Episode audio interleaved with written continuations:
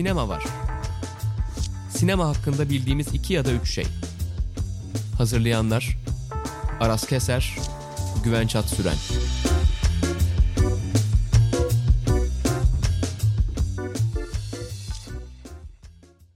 Herkese merhaba. Sinema Var'ın ikinci sezonuna hepiniz hoş geldiniz. Film Lovers ve Sokrates işbirliğiyle yaptığımız bu podcast serisine aslında uzunca bir ara verdikten sonra yeni sezonu yine açmış bulunuyoruz. Bu sene geçen seneye göre, geçen sezona göre daha doğrusu şöyle bir farklılığımız var. Geçen sene bölümler her hafta yayınlanıyordu. Fakat bu sene 15 günde bir yeni bir bölüm şeklinde ilerleyeceğiz ve podcast süreleri biraz daha uzun olacak diye tahmin ediyoruz.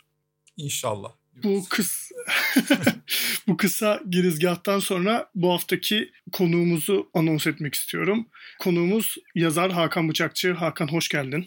Hoş bulduk, merhabalar. Bu arada Aras var yine yanında. Onu da söylemeyi unuttum.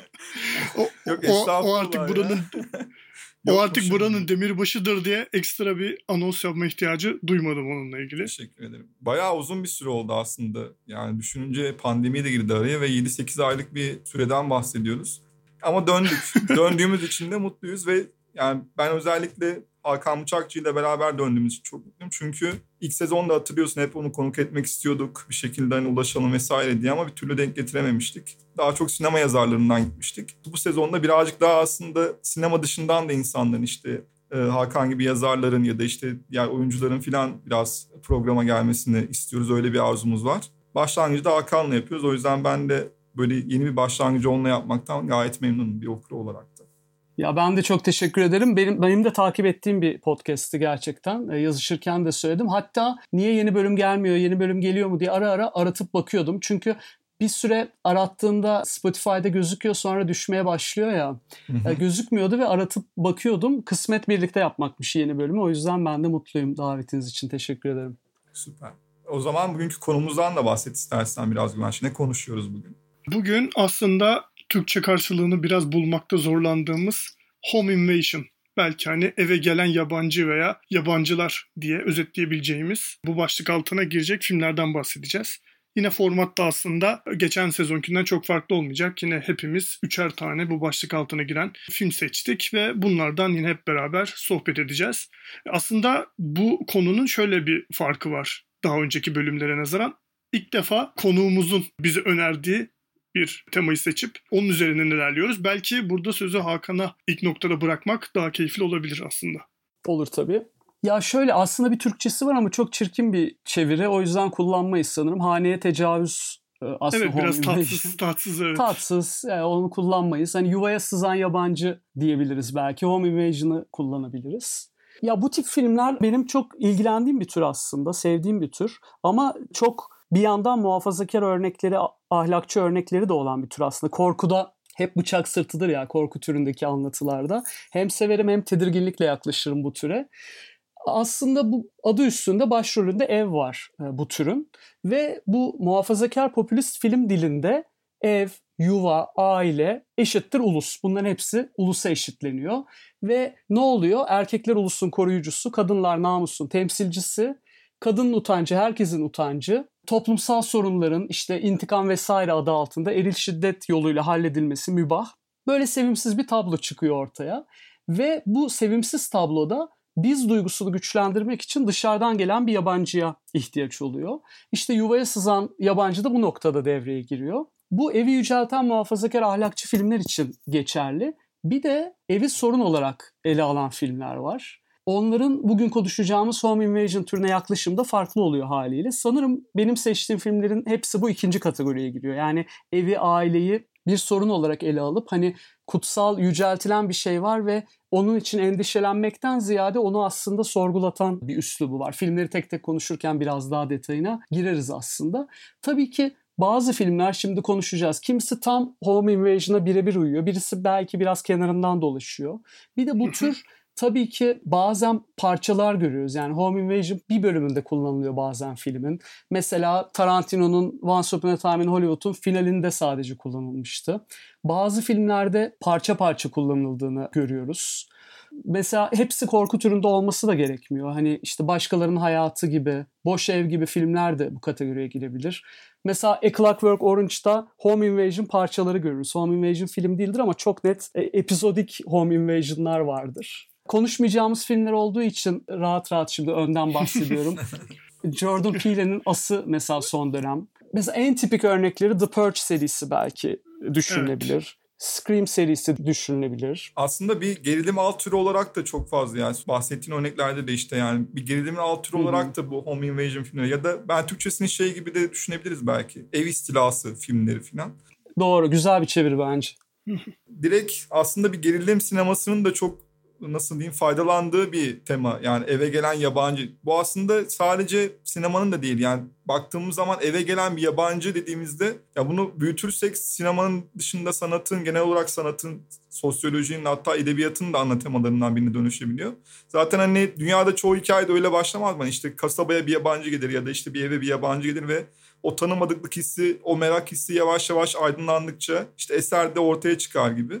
Bunun ama işte bence ya sinema örneklerinde bizim de bugün aslında konuşacaklarımızın içinde çok farklı yerlere doğru ilerleten yönetmenler var. Ben biraz yönetmenler üzerinden aslında baktım. Hepimizin seçtiği filmlerde de aslında bir yönetmen dokunuşu olduğunu düşünüyorum. Ve her birinin de bu türe diyelim ya da bu eve gelen yabancı meselesine farklı bir boyut getirdiğini o yüzden de çok zengin bir tema olduğunu düşünüyorum mesela.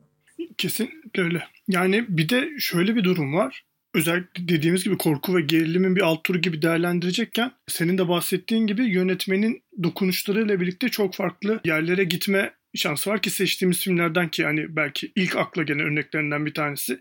Sadece şimdi ismini vererek geçeyim. Yani Pasolini'nin Teoraması mesela doğrudan hani Avrupa sanat sineması diyeceğimiz şeylerin böyle çok saf bir örneği. Ama bir yandan da hani garip bir şekilde bu ev istilası tanımına yani böyle istila deyince daha şiddetli bir tınlıyor. Hani daha böyle sert bir şey geliyor. Öyle bir çağrışım var ama hani bu mevzuya böyle çok aslında çok çekirdeğinden temas eden ama korkuyla veya gerilimle herhangi bir uzaktan yakından bir ilişkisi olmayan bir film aslında. O yüzden çok gerçekten nasıl diyeyim senin dediğin gibi yani birçok anlatının çok kökeninde yer alan bir mevzu. Yabancı ve dışarıdan gelen birey, kişi neyse.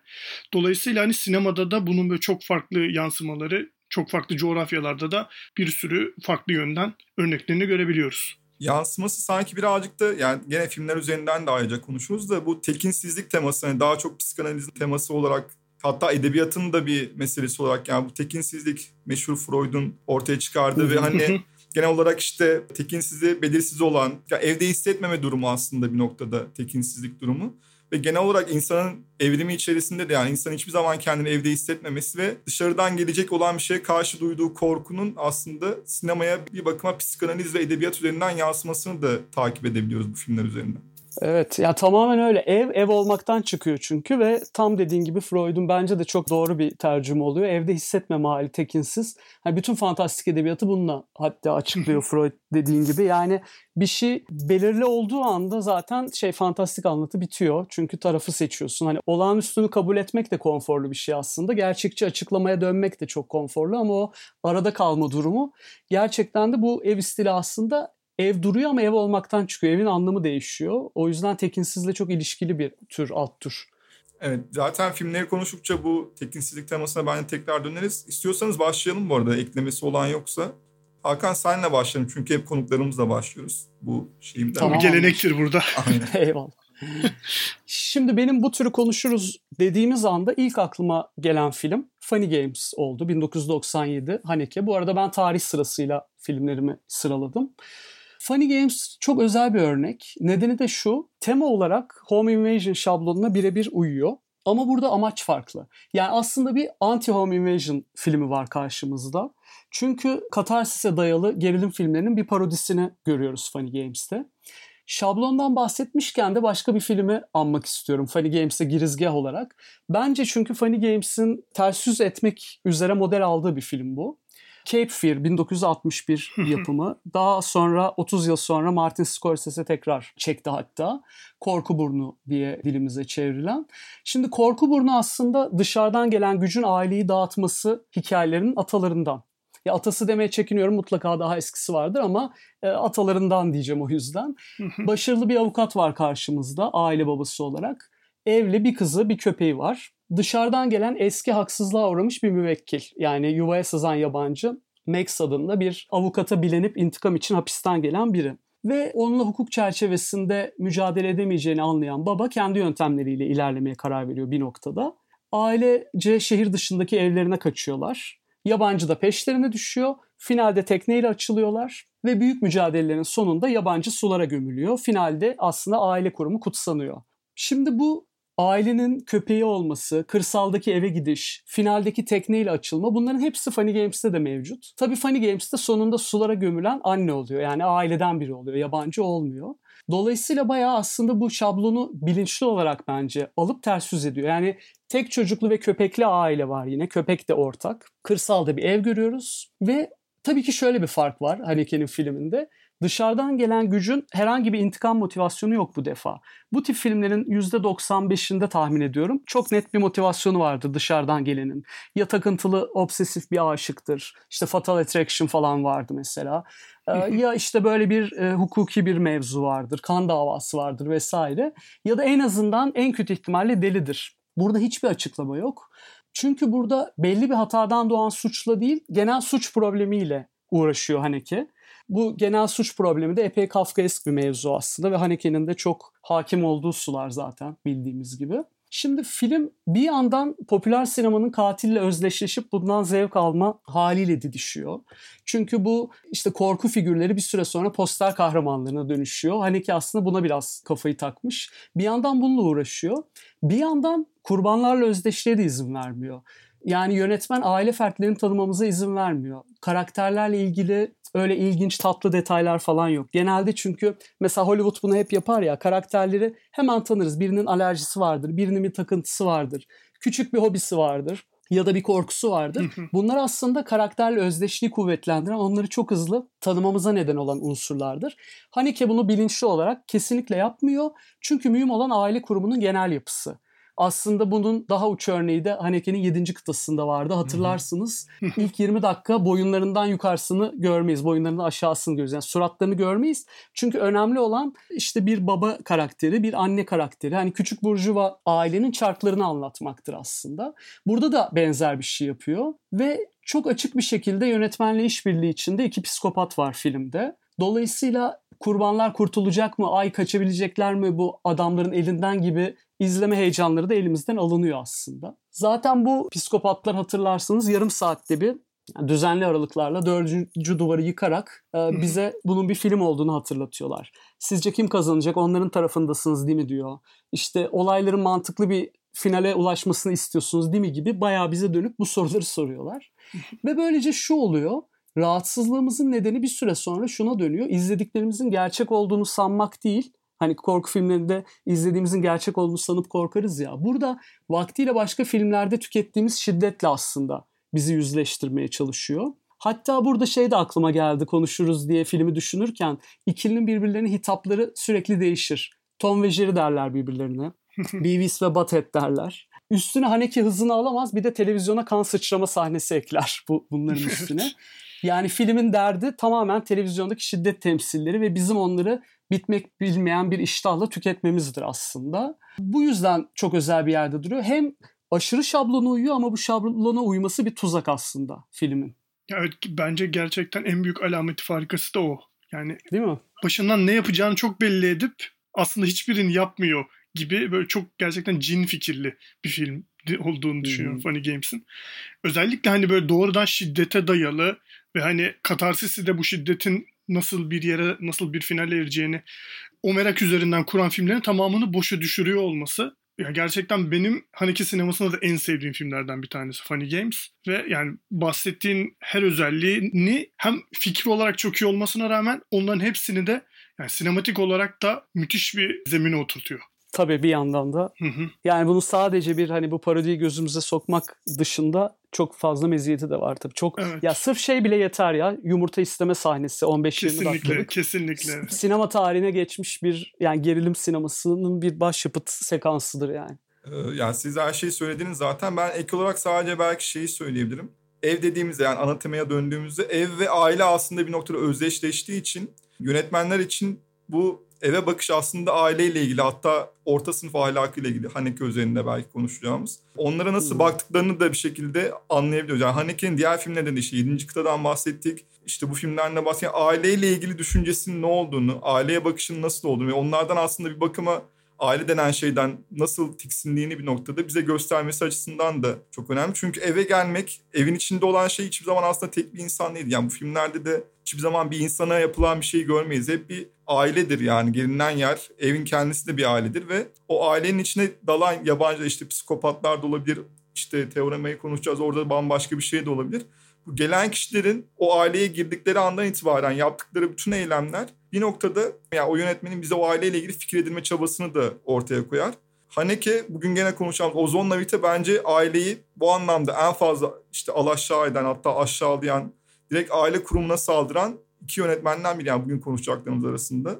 Pasolini de Doğru bence de. Kişi. Aile ve ev temasını birleştirmesi açısından da ben mesela Haneke'nin filmlerini çok önemli buluyorum. Zaten siz yani gereken her şeyi söylediniz. Funny Games'in de bu açıdan 7. kıtayla birlikte iki başyapıtından biri olduğunu düşünüyorum.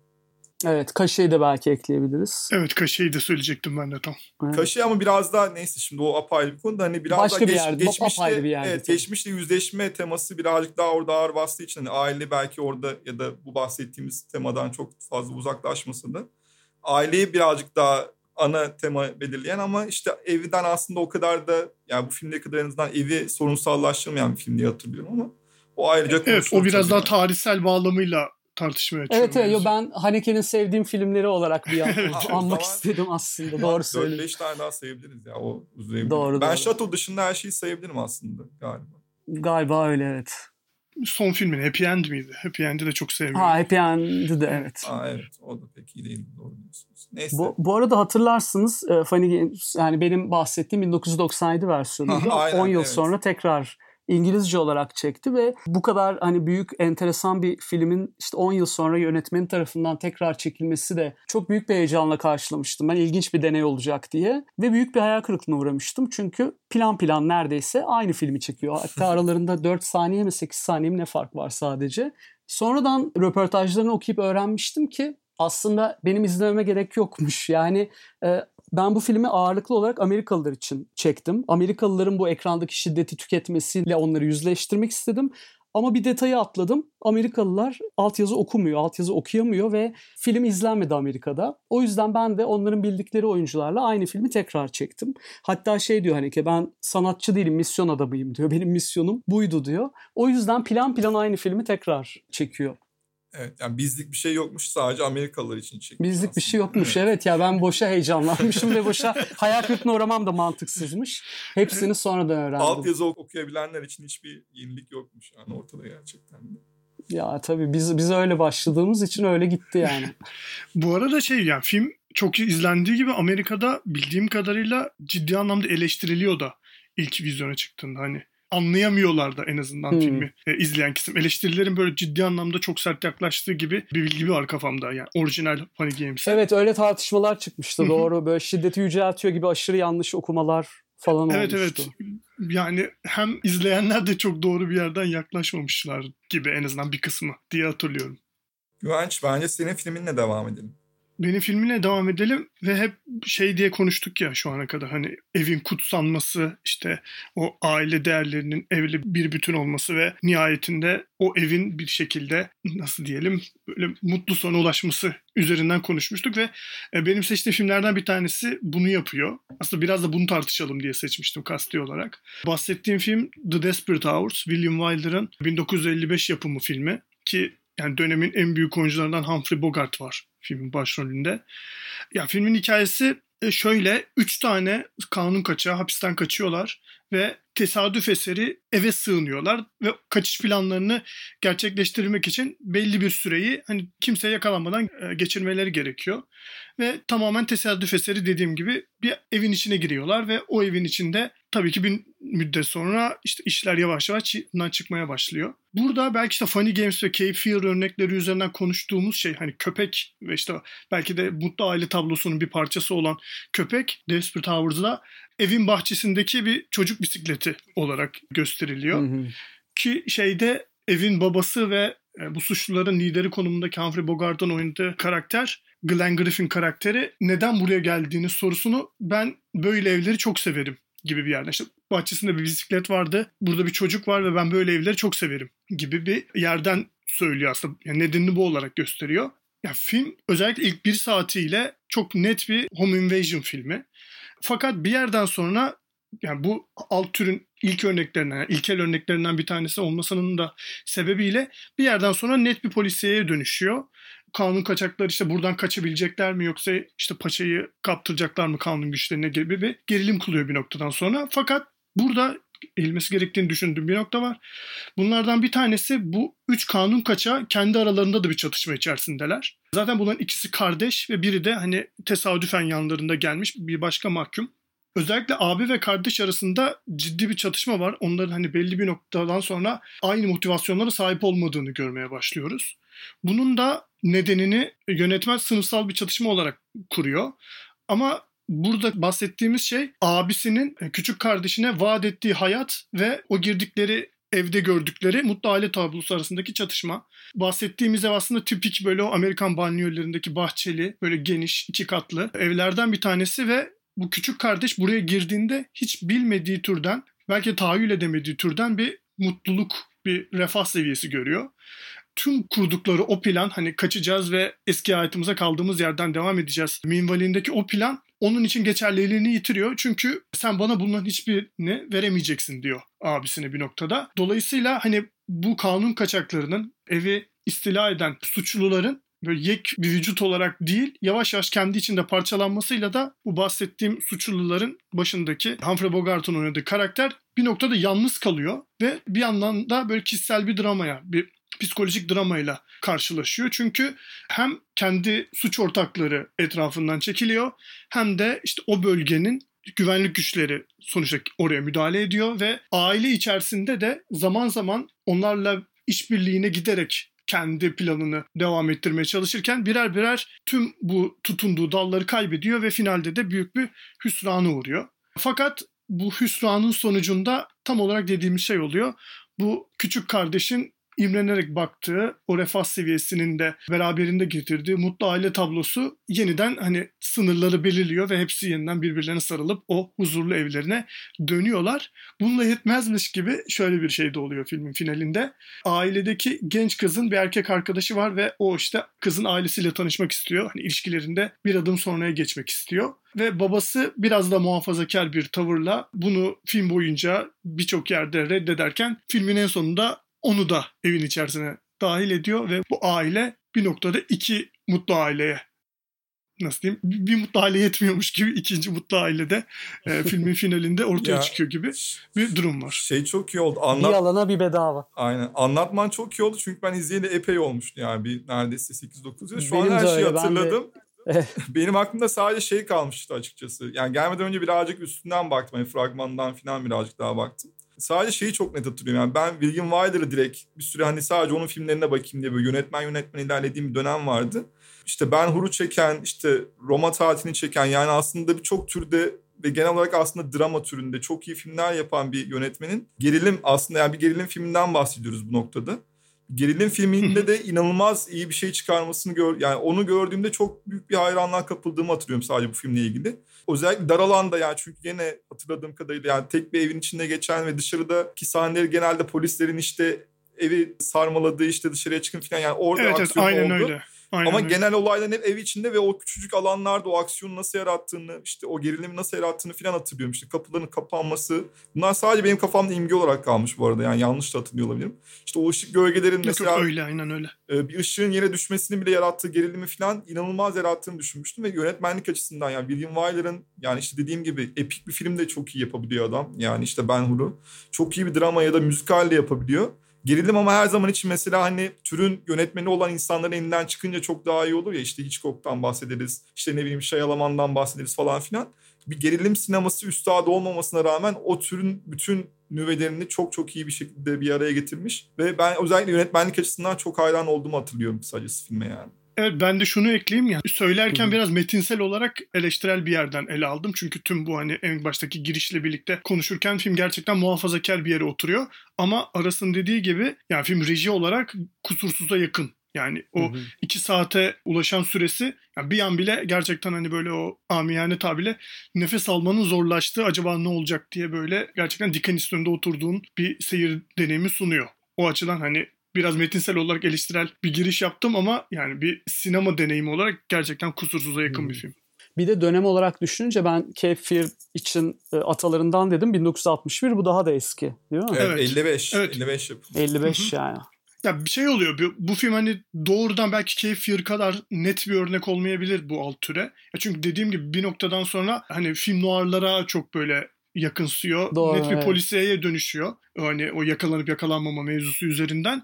Ama özellikle eve girmeleri ve işte ev içindeki o güç dinamiklerinin sürekli değiştiği noktalarda hani ciddi anlamda bu alt türün erken dönem ilkel örneklerinden bir tanesi. Ve yani birçok noktada da şeyini atmış, temelini atmış filmlerden bir tanesi olduğunu. Özellikle evin iki katlı olması ve o katı hani üst katı böyle biraz daha güvenli bölge, alt katı biraz daha savaş alanı gibi falan kullanıyor.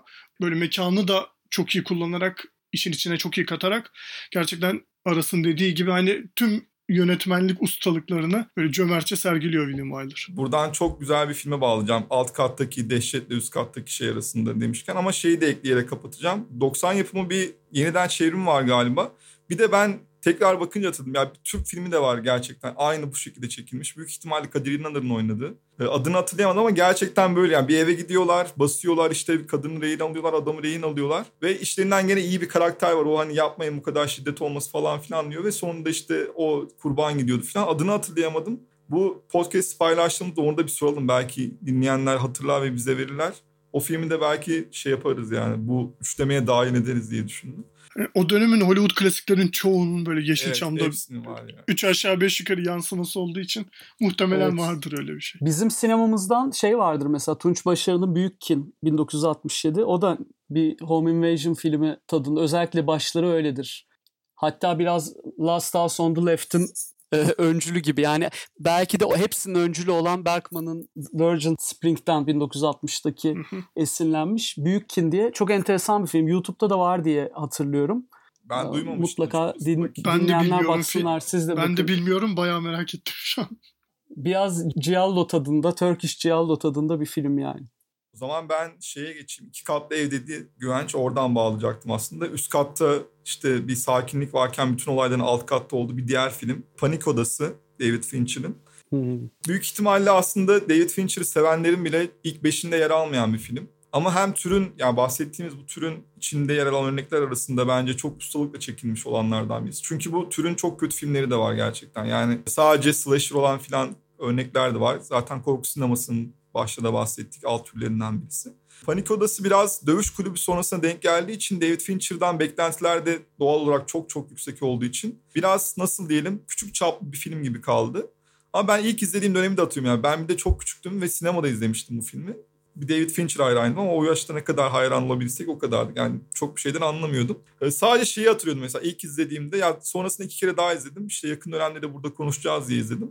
İlk izlediğimde şeyi hatırlıyordum yani kameraların işte tipik bir Fincher olayıdır ya işte e, anahtar deliğinden geçer, bir kaşığın deliğinden geçer işte her yerden geçer ama bunu genelde hani dövüş kulübünde ya da Seven'da birazcık daha mesela Seven'da daha çok gerilim yaratmak için kullanır.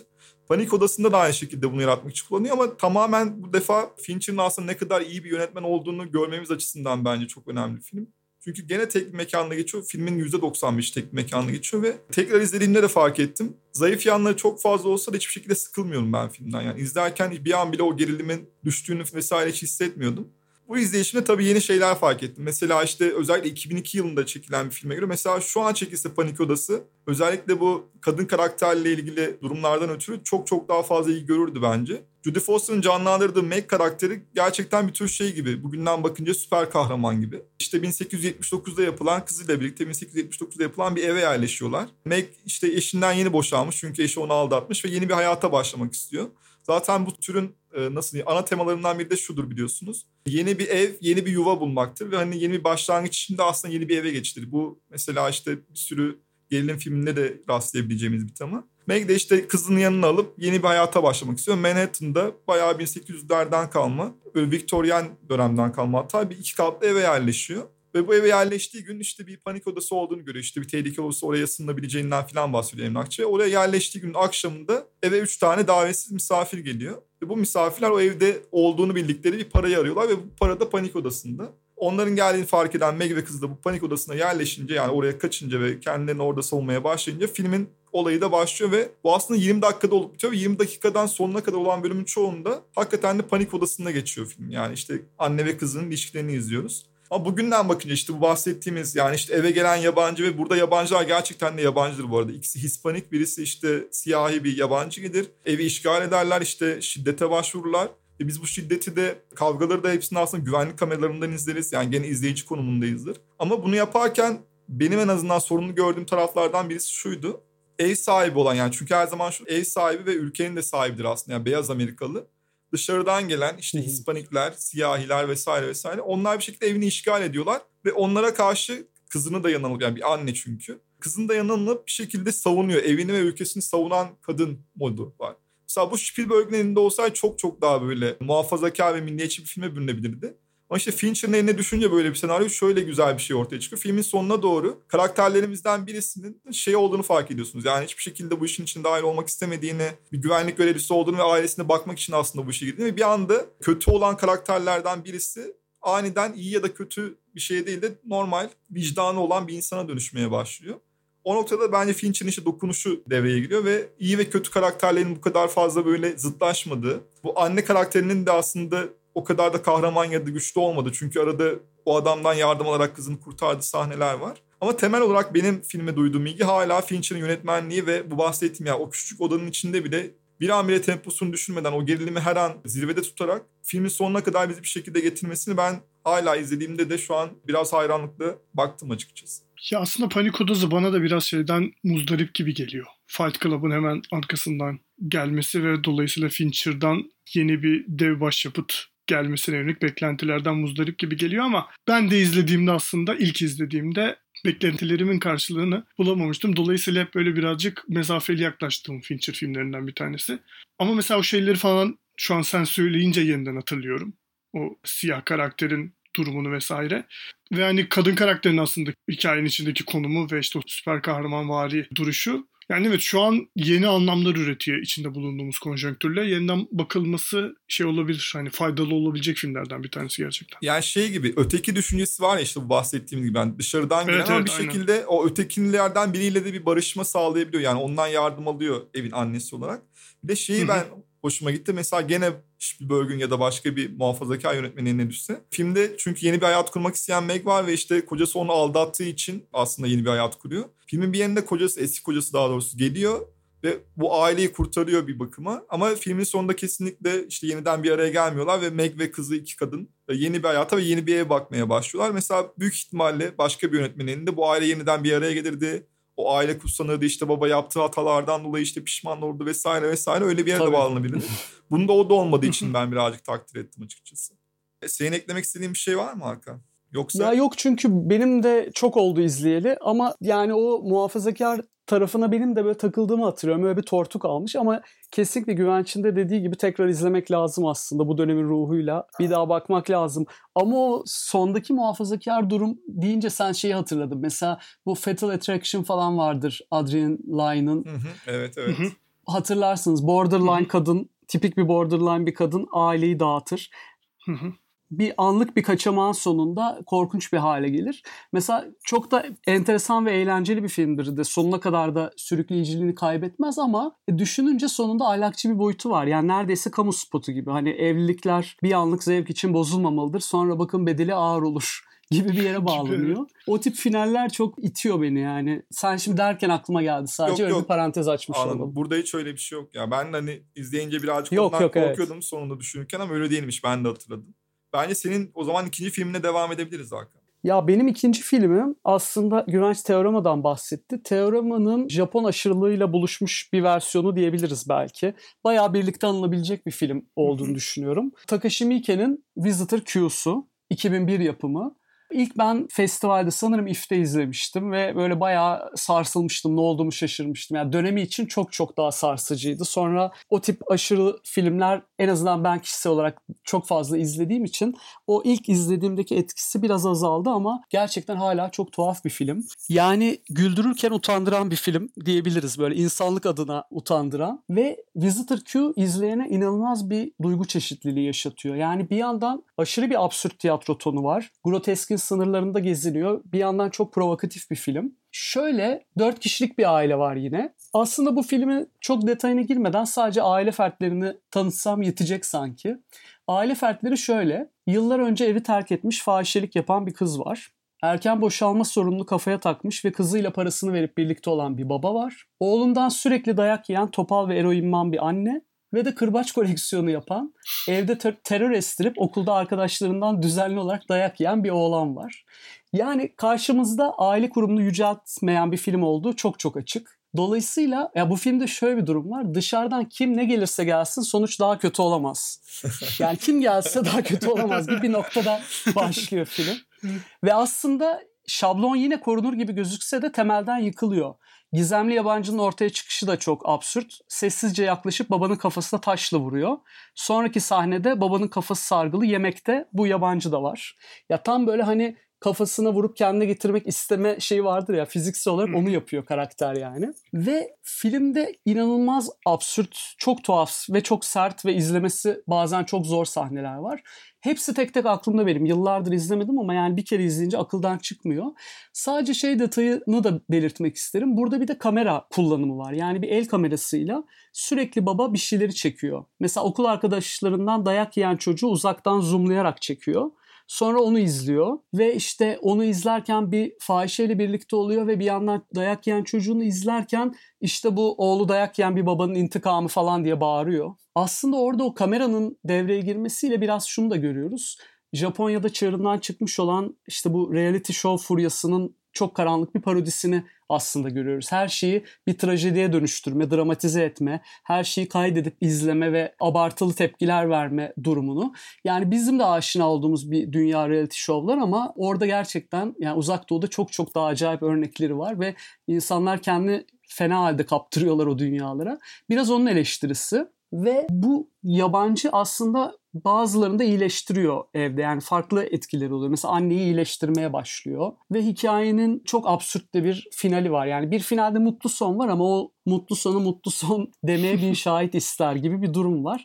Dolayısıyla aslında Takashi Miike yani çoğunlukla yaptığı gibi çok aşırı uçlara giderek yani bu tür üzerinden çok böyle ters köşe bir dünyaya götürüyor bizi aslında. Yani en başta o başladığı aile zaten en problemli aileyle başlayıp yabancının gelmesi de dolayısıyla anlamı farklılaşıyor. Sen aşırı uç deyince aslında ben aklıma geldi. Aynı sene Katakullilerin Mutluluğu diye bir film daha yapıyor. Evet, Orada evet. da aşırı bir yani komedinin de nasıl diyeyim absürt ve en lakayt halini görebilirsin. Yani izleyenler vardır muhtemelen. Yani orada da bu bahsettiğim sahnelerin benzerini bu defa tamamen komedi unsuru olarak kullanıyor. Ve gerçekten ben hatırladım. Evet müzikale falan döner Evet o evet. O da çok komik filmdi mesela. Yani neyi yaparsa aşırısını yapan bir adam ve 2000'lerin başında özellikle de bu konuda ülkemizde de aslında bayağı bir şu an o kadar seveni yok ya da nasıl diyeyim bileni yok diyelim.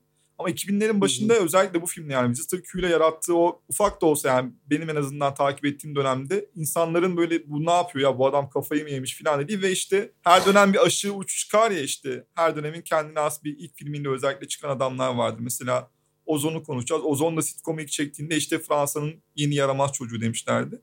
Takashi Miike de 2000'li Hmm. yılların başında hakikaten o yaramaz çocuk şeyini tamamen karşılıyordu. Ve o dönemde yani 2000'lerin başında çok fazla film çekiyordu. Bu filmi çektiği senede bir de Katil İşi diye bir film var. Onu da aynı şekilde. Evet onu da çok severim. Değil mi? O da aslında ya bunların hepsi aslında bir dönem İF'e geldiler diye hatırlıyorum ben de. Ve o geldiği dönemde Evet evet. Visitor Q özellikle bir şey yaratmıştı yani. Tamam yapıyorsun da bunu niye yapıyorsun diye. Ben çok daha sonra izledim. Yani 2009 ya da 2010'da izlemiştim. Benim de aklımda gerçekten sahneler kalmış sadece. Mesela işte şeyi hatırlıyorum. Anne bir anda bütün evi emzirmeye başlıyor ve işte hatta bir adam evet. eve gelen adam şemsiye falan yani işte sütten korumak için şemsiye falan açıyor falan o tip şeyleri hatırlıyorum.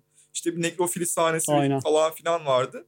Ama bunların hepsi gerçekten kafamda şey yani görüntü olarak kalmışlar. Yarattığı etkinin sadece şey olmadığını düşünüyorum ben açıkçası. Yani bu film özelinde belki sadece rahatsız edici olma gibi bir çabası vardı. Ama diğer filmlerinde bu rahatsız edici olma çabasını bir şekilde bunu çok iyi hatırlayamadığım için aslında şey yapamıyorum. Mesela ölüm provasında çok çok daha o rahatsız edici olma potansiyelini sağlam bir zemine oturttuğunu hatırlıyorum. Ama ben Visitor Q'yu izlediğimde yani o dönem izlediğimde en azından sadece rahatsız edici olma çabası var ama onun dışında da çok bir şey göremediğimi hatırlıyorum mesela. Ha, o da belki ilgi çekici olabilir. Biraz yani. öyle yani evet. Belki o da ilgi çekici Ya işte yani çok- izleyen için ama benim için öyle bir yani öyle bir imge kalmış kafamda filmle ilgili sadece. Katılıyorum ayrımına. Yani biraz ergen iştahıyla provoke edeceğim ve hani ne insanlar nelere bakamaz, neleri izleyemez listesi yapıp sırayla onları çekmek gibi bir Aynen evet. şey var yani. Ama işte şey yapıyor orada yani toplum eleştirisi öyle olmaz böyle olur deyip bodoslama dalıyor yani. Evet. bir tür şey bizim Lars von Trier rahmetlinin son dönemi gibi. Yani gerçekten rahmetli diyorum şu an kendisine artık bir şey diyemiyorum. Doğru. Madem provoke etmek falan dedik, tüm kariyerini neredeyse bunun üzerine inşa etmiş. Pier Paolo Pasolini'nin hatta Visitor Q'ya da belki ilham kaynağı olmuş. Bence kesinlikle olmuş. Bence başyapıt niteliğindeki filmi Teorama veya zaten direkt Türkçe'de Teorem diye çevrilmişti. Onu geçebiliriz. Tıpkı Visitor Q'daki gibi bir ailenin hayatına nereden geldiği ve neden geldiği belli olmayan bir yabancının dahil olması ve sonra tıpkı geldiği gibi nedensiz şekilde oradan ayrılmasının ardından ailenin içine düştüğü durumu anlatıyor aslında film. Fakat yani Pasolini'nin zaten hem düşünce dünyasında hem de tüm filmlerinde görebileceğimiz en böyle e, esaslı meselelerden bir tanesi burjuvazi dediğimiz şeye doğrudan savaş açan birisi zaten. Bir düşünce insanı da aynı zamanda filmlerinin sanatçı yanının dışında. Dolayısıyla bu bahsettiğimiz ailede Milanolu ailenin reisi konumundaki babanın bir fabrikatör olduğu, hali vakti yerinde bir aile. Fakat bu bahsettiğim yabancının dahil olmasından itibaren ailedeki her şey birer birer bambaşka yönlere savruluyor. Mesela ailenin kızı konuşamaz hale geliyor. Oğlu birden resim yapmaya başlıyor ama sonra kendi resim yaptığı resimlerde dalga geçmeye başlıyor. Babası neredeyse akli melekelerini yitirip böyle çok akılda kalacak tamamen soyunduğu, fabrikada koştuğu bir sahne vardır vesaire. Dediğim gibi bu Burcu ailesini var eden tüm bireyleri kelimenin tam anlamıyla dönüştürüyor. Öncekinden çok farklı yerlere koyuyor.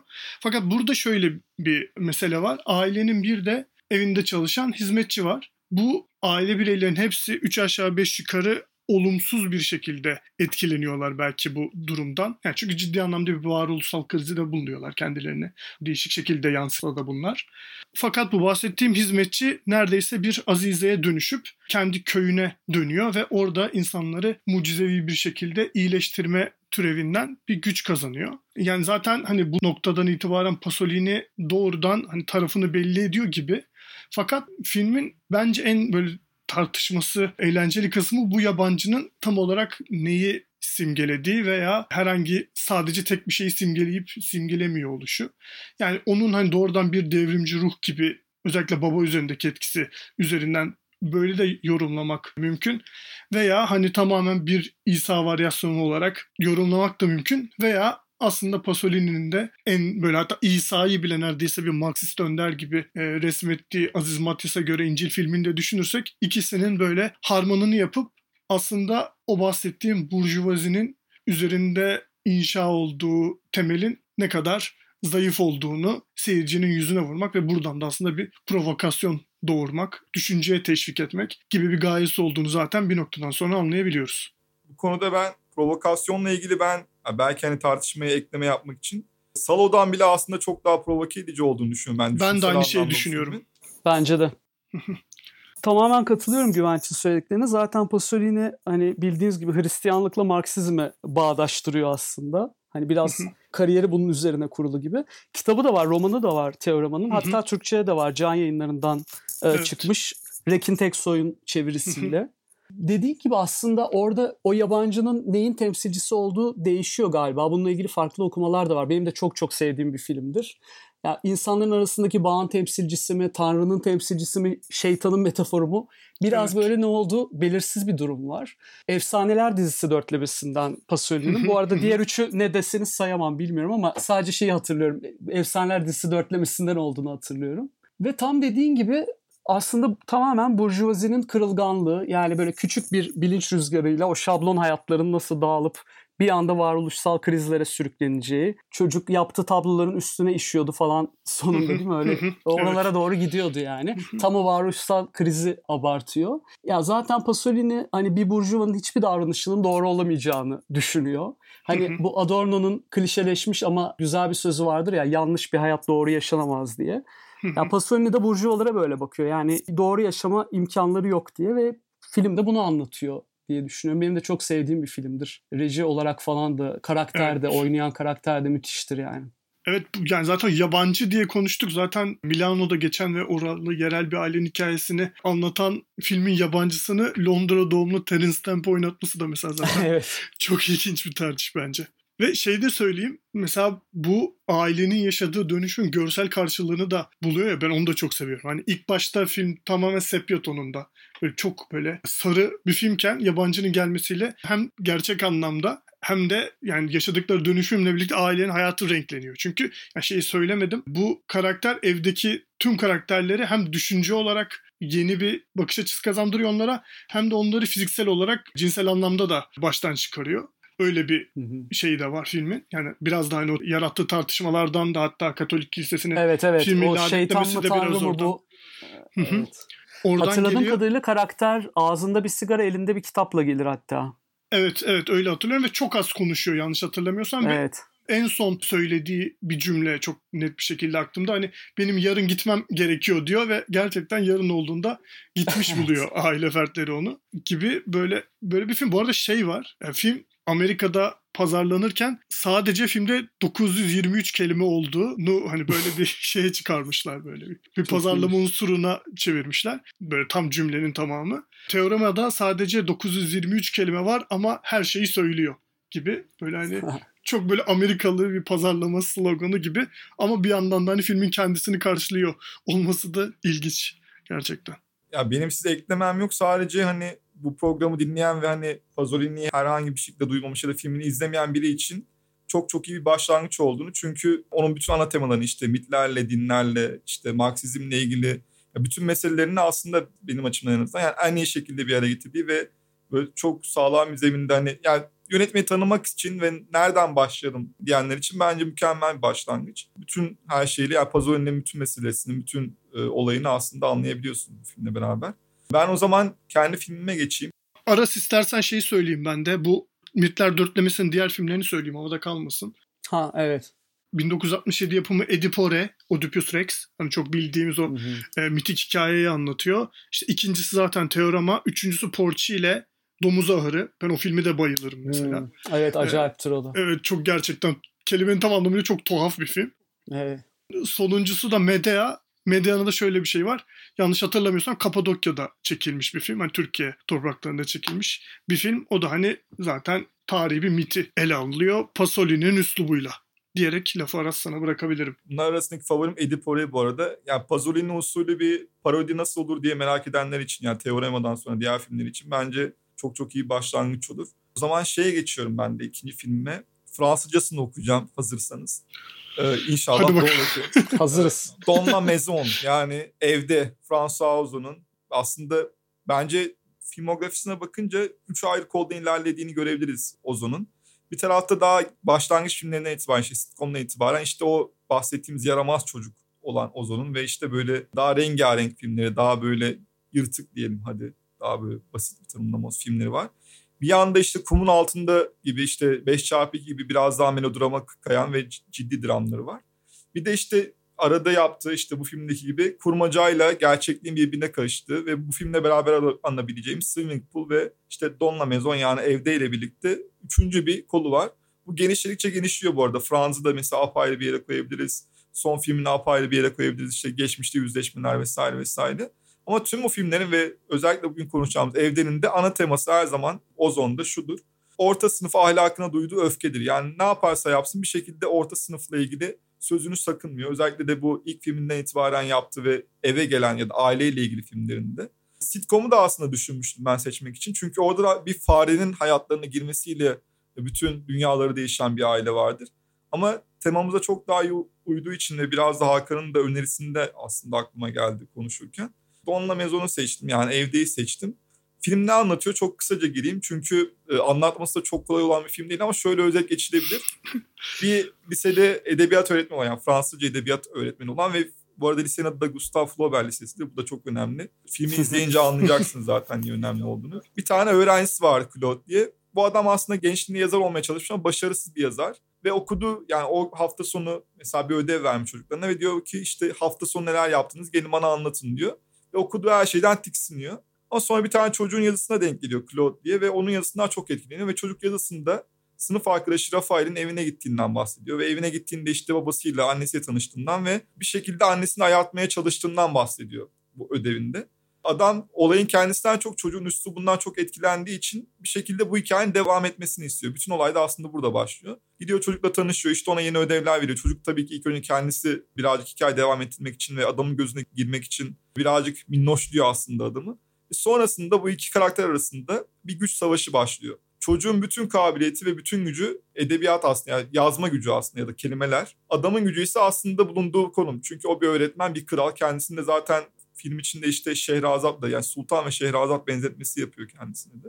Ve bu öyle bir noktaya geliyor ki bir yerden sonra adam öğrencisinin edebi gücüne ya da edebi kabiliyetine o kadar fazla kaptırıyor ki kendini hikayenin devam etmesi için suça bulaşacak kadar ileriye gidiyor. İşte matematik sınavlarını çalıyor. Çocuk sırf daha çok yazsın diye işte evlerine gitmesi için onu yönlendiriyor vesaire. Ve bir noktadan sonra çocuğun yazıları da gerçekten tehlikeli sulara gitmeye başlıyor ve neredeyse cinayete varacak bir noktaya kadar ilerliyor. Filmin aslında temel olarak diğer Ozon filmi olarak bahsettiğimiz şey Swimming Pool'la buluştuğu noktada burası. Bir noktadan sonra işte filmin ikinci yarısına itibaren gerçek ve kurgu tamamen birbirine karışıyor. Hatta hikayenin kendisi, ya yani adamın kendisi hikayenin bir parçasına dönüşüyor ve bir karaktere dönüşmeye başlıyor. Bu noktada da işte Ozon o küçük oyunları başlıyor. Yani işte bastırılmış olanın geri dönmesi, işte özellikle bastırılmış cinselliğin geri dönüşü, işte iki genç karakter arasında zamanında olamadığı şeyi belki de kendi gençliğini bir karakterde gören işte German'ın o çocuğu birazcık evladı gibi görmesi. Başta aslında güç tarafı ona daha yakınken yani bir tarafta German daha güçlüyken biraz edebiyatın gücüyle yani yazma gücüyle bütün iplerin bir anda Claude'un eline geçmesi. Ve en önemlisi bence bu film özelinde aslında Claude alt sınıftan bir çocuktur. Yani 16 yaşında ve annesi ölmüş ve babası da işte yatalak falan bir adam ve ya fakir alt sınıftan bir çocuk. Ve dahil olmaya çalıştığı aile tam bir orta sınıf ailesi. İşte basketbol oynarlar, köpekleri vardır vesaire vesaire. Bu sınıf savaşında yani bu güç savaşında da bu sınıf savaşında edebiyat yoluyla bence çok çok dikkat çekici ve orijinal bir şekilde bütün bu zeminde bir de bu kadar karmaşık anlattığım şey filmde bu kadar karmaşık olmuyor merak etmeyin. Hepsini gerçekten hepsini gerçekten çok çok güzel zeminlere oturtabiliyor ve bir an bile hani filmin kurgusunda da karakterlerinde de bir sıkıntı yaşamıyorsunuz. Ben yönetmenlik açısından da yani sadece senaryosu değil yönetmenlik açısından da bir an bile sarkmayan bu gerilimin aslında gerilim filminde bir taraftan ve çok çok iyi oturduğunu ve edebiyat sinema ilişkisi açısından da çok değerli bir film olduğunu düşünüyorum ve burada da aslında biraz Hakan sözü sana bıraksam daha iyi olacak. Tabii ya çok iyi anlattın bu arada bence. Benim evet, de çok daha iyi anlatılamazdı çok... muhtemelen bu. Evet evet. Elimden geleni yaptım. ya baştaki şey ayrımı da çok güzel. Yani Ozon'un o üç kol da hakikaten çok doğrusu anlatırken düşündüm. Benim de sevdiğim yönetmen. Arada bir böyle saçmaladığı filmler de oluyor ama genelde çok sevdiğim yönetmen. Evet. Bu da Kum'un altındayla birlikte en sevdiğim filmi olabilir. Ya dediğin gibi aslında hikaye anlatmanın ve dinlemenin doğası üzerine bir film. Yani bir yandan saplantı üzerine tabii. Ve bir yandan acayip oyunbaz bir filmdi. Hani kurmaca üzerine de çok şey var filmde. Zaten işte edebiyat öğretmeni olması. Hatta bir yerde hatırlarsınız çocuğu kenarı çekip böyle basma kalıp drama dersleri verir. Yazarlık evet, dersleri. Evet. İşte peki şimdi ne olacak? okur peki şimdi ne olacak sorusunu sormalı der. Bir sonraki sahnede soruları çalmak zorunda kalır. Hı. Ve biz peki şimdi ne olacak anına geçeriz. Aslında acayip kurmacanın doğasıyla da oynuyor. Ve ben şeyi de çok sevmiştim. O baştaki kibirli öğretmen, kibirli lise öğretmeni, yeni nesil işte pizza ve iPhone'dan başka bir şeyden anlamaz diye kendine konforlu kof bir alan yaratmış. Gençlerden böyle kategorik bir nefreti var. Ve bir çocuğun çıkıp o kibrini yerle bir etmesi, bunun bütün komplekslerini ortaya çıkarması, hep yazar olmak isteyip olamaması, yeteneksizliğini yüzüne vurması ve dediğin gibi bir noktadan sonra bu çocuk var mı yok mu oraya kadar gidiyor. O aileye sızdığındaki metinler de müthiş bence. Yani onları araştırmadım. Ozon mu yazmış bilmiyorum. Çocuğun o tepeden bakışı aileye girip evet, e, bu evet. küçük burjuva aileye. Mesela adını normal aile koyuyor çocuğun. O da çok güzel. Evet. Ve bu sıkıcı bulduğu insanları tepeden bakarken mesela benim unutamadığım, bayıldığım bir şey tanım vardı. Şey diyor basket oynuyorlar diyor. Basket attıklarında mutlu oluyorlar ve atamadıklarında mutsuz oluyorlar diyor. Mesela müthiş bir bölüm bence bu. Evet. Yani bir yandan acayip basit ve bir yandan bütün insanlığı böyle yeri altından çeken bir cümle. O metinler de çok iyiydi. Germen arada hikayeyi yönlendirmeye çalışsa da aslında başaramıyor. Çünkü çocuğa müdahale ediyor. Mesela çocuk birdenbire şey yapıyor. Şimdiki zamanı geçiyor yazarken ve şey diye soruyor. Neden şimdiki zamanı geçtin diye soruyor. Claude, Claude da şey diyor. Bu benim evde kalabilme yolum diyor. Yani bir noktada işte o tam da kurmacayla gerçeğin tamamen Evet. karıştığı bir noktaya denk geliyor yani. Evet bir noktadan sonra zaten bu çocuk gördüklerini mi yazıyor, hayal ettiklerini mi yazıyor ki bu yazının doğasında olan bir şey. Zaten bir şey yazdığımız an aslında uydurmaya başlıyoruz. Hani belgesel bir şey de olsa, gazete haberi de olsa aslında yazıya dönüştüğü an bir şey kurmaca oluyor ve göreceli olmaya başlıyor. Ya bunu çok iyi yakalamış bir film. Ben finalini de çok severim. Hitchcock'un arka penceresine sanki bir göndermedir. Evet, evet, evet. Oturup pencerelere Evet. bakarlar ve her pencere başka bir hikayedir aslında gibi. Finali de çok Ve güçlüdür. bakınca normal hani senaryosuna baktığımızda kötü bir son gibi. Hani çünkü adam her şeyini kaybeder ve hani düşkün bir hale gelir ama bir şekilde yine kurguda aslında benim ya filmin sanki kurtuluş kurguda gibi bir mesajı var gibi geliyor bana. Yani yeniden Evet. hayata dönmesi yeni bir hikayeyle başlar. Çocuk gelir ve der ki şimdi yeni bir eve gireceğiz ve yeni bir hikaye başlayacak dediğinde bir anda gözleri parlamaya başlar. Yani o kurgu gerçek ilişkisinin de birazcık Ozon'un hani kurgu hayattan biraz daha iyidir gibi bir e, mesajı var gibi gelmişti bana izlediğim. Doğru bence de. Bana da bu filmde şey çok etkileyici geliyor. Çok kısa bir katkı yapacağım. Filmi görmemiş birini anlattığınız zaman böyle demin de dedik ya, ya Aras anlatırken kontrol edilmesi, takip edilmesi çok zor bir metinmiş gibi geliyor ama ya film kendi içinde tıkır tıkır işliyor gerçekten. Hem kurgusu hem de Ozon'un rejisi. Ya o açıdan belki de hani reji anlamında Ozon'un kariyer zirvelerinden bir tanesi. Yani en azından ben ben böyle düşünüyorum. Bunu da kısaca ekleme yapmak istedim. Filmde en sevdiğim sahnelerden birisi. Yani filmin edebiyatla o kadar içli dışlı bir ilişkisi var ki işte bahsettiğim gibi lisenin adı Flaubert Lisesi ve filmin sonlarına doğru e, German işte çocuğun yani Claude'un kendi eşiyle beraber olduğuna inanıp bir anda krize girer ve eşine saldırır. Eşi onun kafasına vurur ve bayıltır ve kafasına vurduğu şey serinin Gecenin Sonuna Yolculuk kitabı. Yani onunla vurur ve onunla Evet, bayıltır onu ve yere düşer ve bayılır falan. Orada bile hani bir şekilde o edebiyat her noktasında filmi silmiş gibidir. Yani o çok sevdiğim bir sahnesiydi. Ben bayağı kaptırmışım sıranın tekrar bana geldiğini fark etmedim. ya son filmim sinema tarihinin belki de en asap bozucu, en karanlık filmlerinden olduğunu düşünüyorum. Kutsal Geyin Ölümü, Yorgos Lanthimos'un 2017 yapımı. Yani diğer seçtiğim filmlerle kıyaslarsak mesela Funny Games gizli bir parodiydi. Visitor Q açık ve ekstrem bir parodiydi. Ya bu defa parodi yok, kara mizah yok, absürt durumlar yok. Bize nefes aldıracak hiçbir şey yok. Böyle bela gibi bir film bayağı. Lantimos'un köpek dişinden sonra hastalıklı aile temasını sanırım ikinci ziyareti. Ya bu defa eve fiziksel olarak değil ruhen sızıyor yabancı. Yani yuvaya sızan yabancı ruhen sızıyor ama fiziksel sızmayı 10 kere 1000 kere tercih edeceğimiz bir hikaye izliyoruz. Biri kız diğeri erkek iki çocuklu üst sınıf bir aile yine dört kişilik. Zaten genelde bu home invasion'larda aile dört kişilik oluyor. Mesela Teorema'da da öyleydi. Evet. Üç kişilikse de mutlaka artı bir köpek oluyor. Ee, Burada da e, yine 4 kişilik bir aile var. Baba deneyimli bir kalp cerrahı. İşte 16 yıldır evli olduğu karısı göz doktoru. Aşırı steril, soğuk, kasvetli, tek düze bir hayat izliyoruz. Aslında tam bir trajedi bu. Çünkü trajedinin akademik tanımına bakınca zaten iyi durumda olmayan bir hayatın felakete sürüklenmesi. Yani ilk başta insan şey gibi düşünüyor. Her şey güzelken kötü olması değil, zaten iyi değilken berbat olması. O trajedinin kuralına da tam akademik olarak da oturuyor yapı. Ve bizim gizemlimiz 16 yaşındaki Martin yani evlilikle yaşıt olan bir çocuk alt sınıftan gelen Martin yuvaya sızıyor. Ve sızışı ilk başta kafamızı bulandırıyor. Babanın çocuk yaştaki sevgilisi mi, herkesten gizlediği oğlu mu böyle bir yere oturtmaya çalışıyoruz. Gerçek ortaya çıkıyor ki bir hastasının yani ölümüne neden olduğu bir hastanın iki kadeh içkiliyken ölümüne neden olduğu bu detay da önemli. Hastasının oğluymuş bu çocuk ve dengeyi sağlamak için babanın da kendi ailesinden birini öldürmesi gerektiğini söylüyor. Yoksa aile üyelerinin teker teker öleceğini söylüyor. Aşamalar da baştan belli. İşte bacak felci, yemeden kesilme, gözden kan gelme ve ölüm. Aslında çok zor bir film bu. Yani genel izleyicinin zorlanacağı nokta şu. Martin'in söylediklerinin nasıl olup da gerçekleştiği anlaşılmıyor. Yani klasik neden sonuç ilişkisine şartlanmış seyirci bunun nasıl olabileceğine takılıyor aslında. Ben de ilk izlerken takılmıştım doğruyu söylemek gerekirse. Sonradan teoremayı falan bildiğim için o bir şeyler oturdu kafamda. Bence bu da teoremayla çok dirsek Evet, temaslı bir film. Yemeğine bir şey mi karıştırdı? Nasıl kan, şimdi kan gelecek dedi, kan geldi. Demek ki yemeğine bir şey mi karıştırdı? Hemen kafamız böyle çalışıyor ya. Hani Hollywood filmlerini izleye Evet. izleye. Ancak bunun nedeni şu. Sadece çocuk öyle istiyor. Çünkü Yunan mitinden alınan mantığa göre ilerliyor film. Bizim bildiğimiz mantığa göre ilerlemiyor.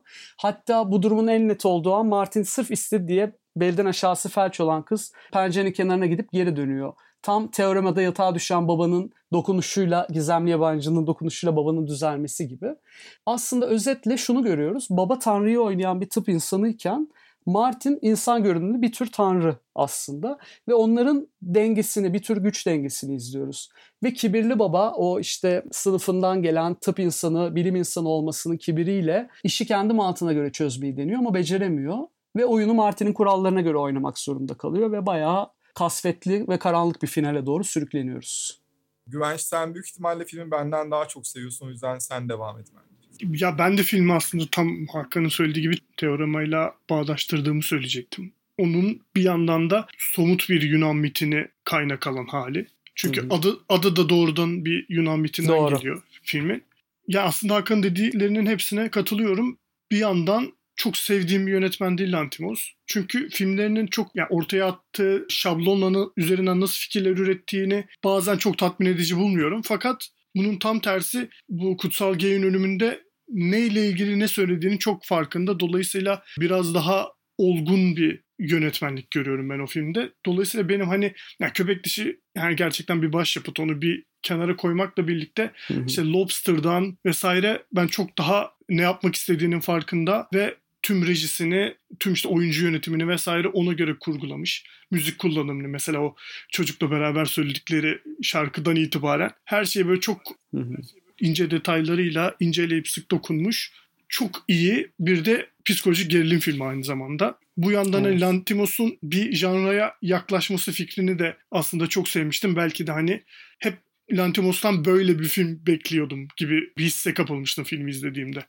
Gerçekten seviyorum ben filmi. Aras sen sevmediğini biliyorum. Üç aşağı beş yukarı. Yani zaten bu arada Hakan özetledi. O arada şey dediği noktadayım ben gerçekten. İzleyiciyi ikna etme kısmı. Yani Lantimos'un olayın bir anda metafizik bir noktaya sürüklendiği bir an oluyor. işte çocuğun bir anda hani bir şey diyor ve oluyor. O kısımda seyirciyi ikna etmek için hiç çaba harcamamasını ya bununla ilgili ben daha öncesinde de çok tartışma yaşadım aslında bu film üzerinde.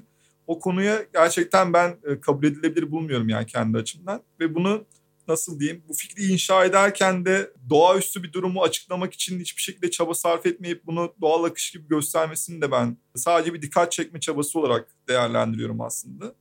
Ve bütünüyle bir, bir tebel bağlamak işte doğaüstü bir durumdan e, hikayesini beslemeye çalışmak belki filmin akışı içinde e, açıklanabilir bir noktada da durmuyordu.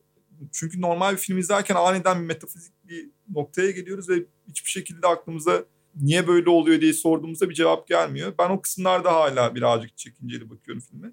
Ama dediğim gibi Lantimos benim hiçbir zaman favori yönetmenlerimden biri olmadı. Benim son filmim 1983 yapımı Angst. işte Türkçesi Korku. Avusturya yapımı bir film. Gerald Cargill diye okunduğunu tahmin ediyorum yönetmenin adının. İnşallah. Öyle olduğunu tahmin ediyorum dediğim gibi. Bence öyledir. Bence çok jenerik bir şeye dönüştü ve asıl temsil ettiği anlamı çok yitirdi şey meselesi. Hani gerçek hikayeden uyarlanmıştır meselesi. Neredeyse bir alt tura dönüşmüş durumda. Hani bu gerçek hikayeden uyarlanan filmler gibi bir şeye dönüşmüş durumda artık bu. Hollywood'un hele bu içine düştüğü kısırlık sebebiyle. Ama Angst bunu tamamen kendi avantajını kullanmayı başarıyor. Filmin hikayesi şu genel olarak. Dediğim gibi gerçek bir suçlu ki Düsseldorf vampiri olarak da anılan Peter Kurten isimli gerçek bir suçlunun hikayesini anlatıyor film. Onun hayatından kısa bir kesiti anlatıyor da diyebiliriz. O da şu yani hayatının birçok noktasında olduğu gibi yine bir süre cezaevinde yattıktan sonra çıkıyor cezaevinden ve dış sesinden duyduğumuz üzere kafasındaki planı uygulamaya koymak için uygun bir ev arıyor. Ve bu evde tam olarak aslında filmin en başından itibaren konuştuğumuz o hani biraz güvenli bir alan olarak resmedilmiş bir ev. Bu filmde de köpek var bu arada. A- aynen öyle tam onu da söyleyecektim. Yine köpek de onun bir parçası. Fakat bu filmin yaptığı şey ve Home Invasion'ı konumlandığı yer şu açıdan ilginç geliyor. Çok e, yoğun bir şiddet eylemine maruz kalıyor olsak bile film boyunca çünkü hani 3 cinayet sonra işte o cesetlerin arabanın bagajına atılıp bir yere taşınma çabası vesaire gibi ve hani bunları grafik anlamda da çok sert bir şekilde görüyoruz. Ama film sürekli bu bahsettiğimiz Peter Kürten karakterinin dış sesi üzerinden, onun düşünceleri üzerinden akıyor ve aslında onun yani bir psikopat tabii ki hani onu temize çıkarmak gibi bir şey yapmıyor ama onun bu eylemiyle ilgileniyor. Yani bu eyleminin nedenleriyle ilgileniyor daha doğrusu o evdeki insanlara neler yaptığı değil filmin meselesi bence. Onu o eve sokan şeyler. Dolayısıyla belki her zaman hani bu Home Invasion filmlerinde tüm resmi gösteren bir anlatım biçimi kullanılıyor. Hani hem kurbanların nasıl kişiler olduğunu üç aşağı beş yukarı öğreniyoruz. Hem işte eve giren yabancının veya zorbanın, katilin, psikopatın neyse onun nasıl kişiler olduğuna dair hani böyle özellikle ana akımdaki örneklerinde öğrenirken bu film tamamen eve giren psikopat katilin psikolojisi üzerine ve onu bu eyleme iten işte çocukluk travmalarından itibaren neredeyse hani onun filmin şimdiki zamanında yaptığı eylemleri birebir karşılığını dış sesi üzerinden geçmişiyle bağlantı kurarak neredeyse gore bir filmi, yani bu kadar sert bir korku filmi olabilecek bir filmi bir yandan psikolojik olarak çok yoğun bir yere oturtuyor. Bu anlamda hem korku sineması içerisinde çok orijinal bir film olduğunu düşünüyorum Angst'ın hani örneğine az rastlanan bir film olduğunu düşünüyorum. Bir yandan da bu Home Invasion bu ev istilası filmleri içerisinde de doğrudan katil ve onun motivasyonlarının psikolojik, travmatik kökenlerini incelemesi anlamında bana çok kıymetli geliyor aslında. Bence de çok özel bir örnek. O amok koşucusu dedikleri türe giriyor sanırım katil olarak. Yani önüne çıkan herkesi evet. öldüren. Yani durdurana kadar sen öldürecek. Ve dediğin gibi gerçek hikaye olması gerçekten farklı bir yere götürüyor. Yani ibretlik hikayeden çok psikolojiyle ilgilenen bir film. Çünkü genelde o başta dediğin gibi gerçek hikaye diye başlayan türdeki anlatılar hep ibretlik hikayeler bize evet. sunar. Bu öyle değil. Ve tam dediğin gibi neden sonuç ilişkisini de bence tersine çeviriyor. Önce sonuçları izliyoruz. Nedenleri kafa sesi olarak duyuyoruz. Bir de benim çok sevdiğim filmin sonunda tutuklanmadan önce son yaptığı şey sosis köpeğine sosis yedirmek evet. gibi böyle bir acayip bir finali vardır. Ee, o amuk kuşucusu meselesi de çok önemli çünkü bu eve girmeden önce gittiği kafeye tekrar gidiyor. Yine hı hı. baktığı kadınlara veya işte onların benzerleri miydi tam hatırlamıyorum. Birebir aynı kişiler miydi ama. Aynıydı aynı, diye hatırlıyorum ben. Ben de aynı gibi hatırlıyorum. Mesela onlara yeniden bakıyor. Yine benzer şeyler aklından geçiyor. Meselesi ve yine onları düşünmeye başlıyor vesaire derken yakalanıyor. Dolayısıyla evet yani o suçun nasıl bir şey olduğunu ya daha doğrusu belki de hani psikopatlığın nasıl bir şey olduğunu bu kadar yoğun hissettirebilen çok nadir film olduğunu düşünüyorum sinemada. O yüzden ben de bunu seçmeye çalıştım. Bu arada bu bahsettiğimiz psikopat katil oynayan Erwin Leder de gerçekten mükemmel müthiş bir, bir tip ya. Müthiş yani bu bahsettiğimiz özellikteki bir karakterin karşılığını fiziksel olarak da yansıtıyor. Bir yandan da müthiş bir oyun çıkarıyor gerçekten. Evet yani gözünü öyle, gözünü alamıyorsun adamdan. Evet yani o kadar rahatsız edici ki gözünü alamıyorsun gibi bir şey oluyor gerçekten. Yani. Onun o rahatsız ediciliği bir haz vermeye başlıyor gibi bir şeye dönüşüyor bir noktadan sonra. Bir de kamera kullanımı falan da çok enteresan o filmde. Yani böyle evet. bozuk kamera mı Rus kamerası mı nedir bilmiyorum. Yani bildiğimiz bir kamerayla çekmemişler evet, sanırım. Evet evet evet. Hani hatalı fotoğraf makineleri vardı ya bir ara çok hipsterların kullandığı. o, o öyle bir tekniği var yani. Özellikle filmin ilk açılışında vesaire doğrudan karakterin vücut hareketlerini takip ediyor. Sanırım evet. e, vücuduna... Müthiş bir açılıştı o evet. E, sanırım yani karakter, yani oynayan oyuncunun vücuduna monte ederek yaptıklarını tahmin ediyorum. Olabilir. O karakteri. Yani doğrudan kamera arkadan takip etmek değil, onun hareketlerine göre kadrajı değişiyor. Dolayısıyla ilk andan itibaren zaten hani karakterin psikolojisine, onun kafasına gireceğinin aslında görsel bir karşılığında bulmuş gibi yönetmen. Evet, hipnotik bir film diyebiliriz evet, yani. Evet. Görsel karşılık demişken ben son filmime geçmek istiyorum izninizle. Çünkü görsellik Buyurun. ve yani daha doğrusu şiddetin görselleştirilmesiyle ilgili belki de konuştuğumuzda herhalde akla gelecek ilk yönetmen Sam Peckinpah ve e, Stravdogs'u seçtim ben. Onu söyleyeyim en başta. Son filmi bilerek sakladım bu arada kurgu olarak da. Çünkü bir taraftan bir klasik yani bugün bakıldığında bile bir sürü aynı film listesinde adını görebiliriz. Bir yandan sinemadaki şiddet hikayeleri arasında çok çok fazla dikkat çeken ki zaten sırf bu yüzden 2002'ye kadar yani çekildiği 71 yılından 2002'ye kadar yasaklı kalmış İngiltere'de. Ve 71 yılı şöyle bir ekleme yapmak istiyorum aslında arada. 1971'de aynı sene içerisinde yani hem Clockwork Orange çekiliyor hem de 4 seri çekiliyor. Yani 3 tane gerçekten sinemadaki şiddet hikayelerinin belki de en önemli 3 örneğini aynı sene içinde izliyoruz. Bu nedendir onu da sosyologlar düşünsün. O benim işim değil şu anda. Film ne anlatıyor dediğimizde aslında çok kısa bir giriş yapayım. Çünkü filmleri anlatmak çok zor olabiliyor. Az önce de yaşadık aslında şeyde Ozon'un filminde de. Aslında bir erkeklik hikayesi anlatıyor. Yani Sam Peckinpah'ın yani tüm filmlerinde olduğu gibi bir şekilde bir erkeklerin hikayesi anlatıyor. Bu defa bunu şiddetten kaçan ve normalde hani hiçbir şekilde şiddet taraftarı olmayan kendi haline mazbut diyebileceğimiz Charlie adlı bir karakterin eşiyle birlikte Amerika'daki şiddetten kaçıp İngiltere'de eşinin doğup büyüdüğü bir kasabaya e, yerleşmelerini anlatıyor ve orada kendilerine bir ev yapıyorlar. Bu da aslında bizim tamamen temamıza uygun. Yani birileri bir şeyden kaçıyorlar. Yani korktukları bir şey var ve ondan kaçıp ülke değiştirip hatta okyanus geçip kendilerine başka huzurlu bir yer bulmaya çalışıyorlar. Yani kendilerine bir ev bulmaya çalışıyorlar ve onu yapıyorlar. Fakat o evi yaparken garaj kısmı eksik kalıyor ve bunun yapılması için yerel yani yerel halktan birkaç kişiye güveniyorlar ve onlara diyorlar ki gelin bize yardımcı olun vesaire. Sonra bu insanların arasında işte eşinin eski sevgilisi olduğunu sonradan öğrendiği bir adam daha var ve bu insanlar zamanla yavaş yavaş bu evin içine sızıyorlar ve filmin sonlarına doğru bu sızma tamamen bir şiddet sarmalına dönüşüyor ve bir noktadan sonra karakterimizin belki de filmin sorunlu olan noktası burada başlıyor. Erkekleşme hikayesine dönüşüyor. Çünkü bu adam hiçbir şekilde şiddete başvurmayı sevmeyen, zaten bir matematikçi, bir bilim insanı, şiddete tamamen karşı olan mazbut bir insan huzuru arıyor. Bir anda yönetmen de aslında belki de bu adamın bir erkek olması lazım deyip yavaş yavaş evlerine giren ve aslında bu da çok nasıl diyeyim muhafazakar bir yerden de okunabilir. Evlerine giren yabancıları e, sırf evlerine girdikleri için yani daha doğrusu birini teslim almak istedikleri için onu teslim etmiyor. Çünkü teslim almaya çalıştığı kişi de bir erkek. Onu teslim etmek yerine savaşmayı tercih ediyor ve herkesi öldürüyor Dustin Hoffman filmin sonunda. Ve filmin sonunda karısını da geride bırakıp, eşini evde bırakıp bu adamı yani kurtardığı adamı da yanına alıp biniyor ve uzaklaşıyor evinden.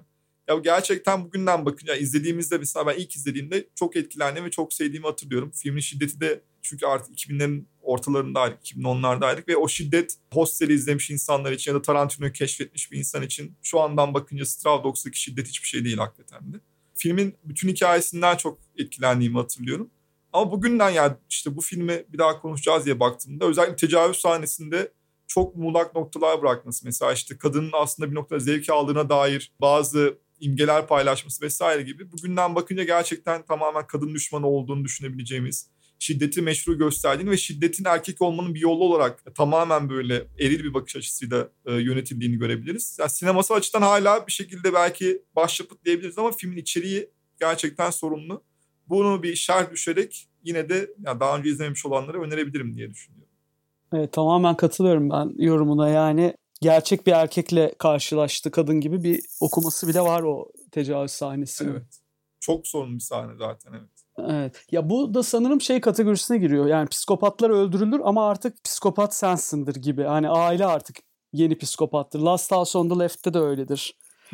Aslında ironik bir finaldir bir yandan da. Hani psikopat öldü diye sevinirsin ama artık yeni bir psikopatım vardır. Ve bu bir mal olarak devam edecek. Biraz aslında Freud'u andık yine hani hepimizin içinde öldürme içgüdüsü var aslında hepimizde o potansiyel var gibi yerlere de gidiyor evet, sanırım. Ve o kadar gidiyor ki aslında direkt Freud'un işte Totem ve Tabu'daki de hani şey olur ya işte bir yer vardır ve o yeri savunmak için yani işte hayvanlardan bahsediyoruz aslında bir noktada. İşte orayı işte idrarıyla falan işaretler ve oraya başka biri geldiğinde saldırır. evet yeniden işte güçlü olması ya da işte erkek olması yani kendini göstermesi filmde bu tamamen var yani. Adam bir yere kendini kapatıyor, orayı kendi evi belliyor ve şiddete başvurması o evin içine girmelerinden itibaren oluyor. Yani işte erkekleşme ve alınma müdahale edildi kafası. Yani mülkiyetçi bir tarafı da var aslında filmin bakınca bu açıdan. Evet. Bir de o matematikçiyi de yanlış hatırlamıyorsam aynen, böyle aynen. teorinin hantallaştırdığı bir adamdan gerçek bir erkeğe dönüşüyor. Tırnak içinde tabii ki söylüyorum. Evet evet Tüm Peckinpah filmlerinde budur. Erkek ve şiddettir aslında ana temaları ve bu da onun bir örneği aslında. Ya erkek ve şiddet evet kesinlikle katılıyorum dediklerinize. Ya asıl filmin meselesi bana şey gibi geliyor. Yani bu şiddet şiddeti doğurur gibi ve sonuçta hani psikopatlar Hı hı. ölür ve yeni bir psikopat doğurur bu da gibi.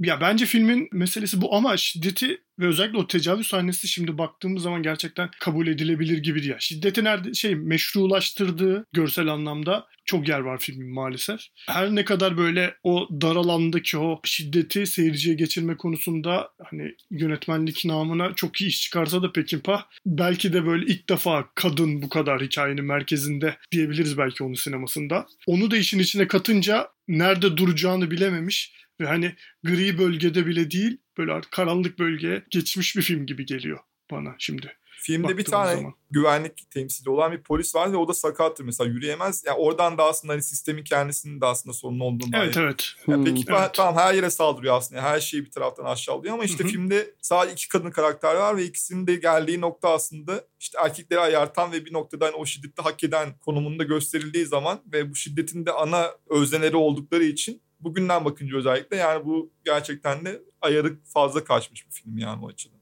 Evet yani bazen adaleti kendin sağlaman gerekir. Çok tehlikeli bir söylem. Evet, Çünkü evet. herkes onu kendince yorumlayabiliyor ya.